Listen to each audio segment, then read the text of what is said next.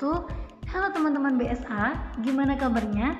Oke, seperti kita ketahui, akhir-akhir ini Indonesia mencetak sejarah baru Kemenangan atas Olimpiade Badminton tingkat internasional oleh Apriani Rahayu dan Gracia Poli Nah, tentu saja pada pertemuan ini saya akan membahas persoalan yang berjudul Bulu tangkis Indonesia sangat disegani dunia.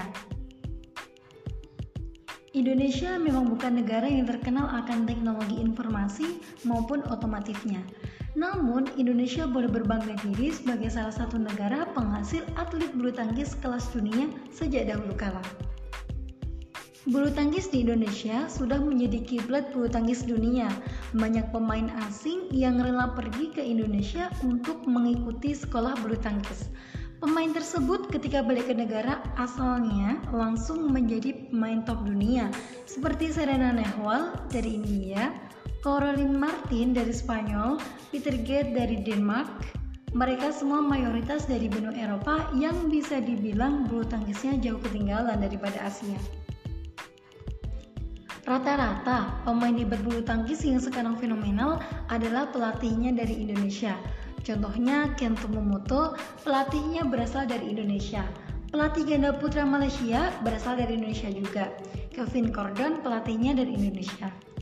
Salah satu pelatih bulu tangkis Indonesia yang bernama Rudi mampu mencetak atletnya ranking 1 sampai 8 dunia.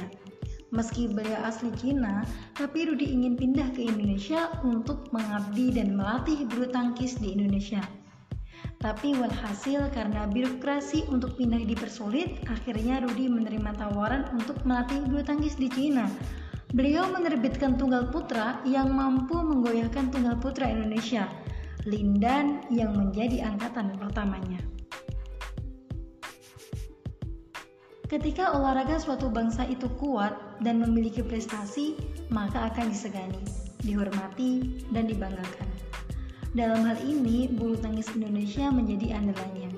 Seperti kita ketahui, cabang olahraga bulu tangkis memberi prestasi dominan untuk Indonesia selama 50 tahun. Cabang olahraga ini banyak menjuarai olimpiade dan kejuaraan dunia. Nah, prestasi sejarah yang mampu menggemarkan dunia saat ini adalah kemenangan Apriani Rahayu dan Gracia Poli dalam ajang Olimpiade Tokyo di kancah internasional. Selain itu, banyak pemain Indonesia yang masuk top global ranking dunia yang akhirnya Indonesia menjadi peringkat 3 sampai 4 di bawah Cina, Korea dan Jepang.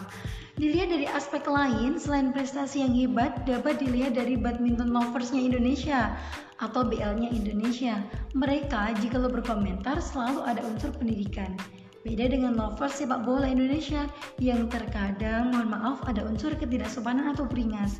Pemain asing dari luar negeri pun mengatakan bahwa badminton loversnya Indonesia sangat berpengetahuan. Dengan demikian, dapat dikatakan bahwa badminton Indonesia lebih disegani daripada olahraga lain.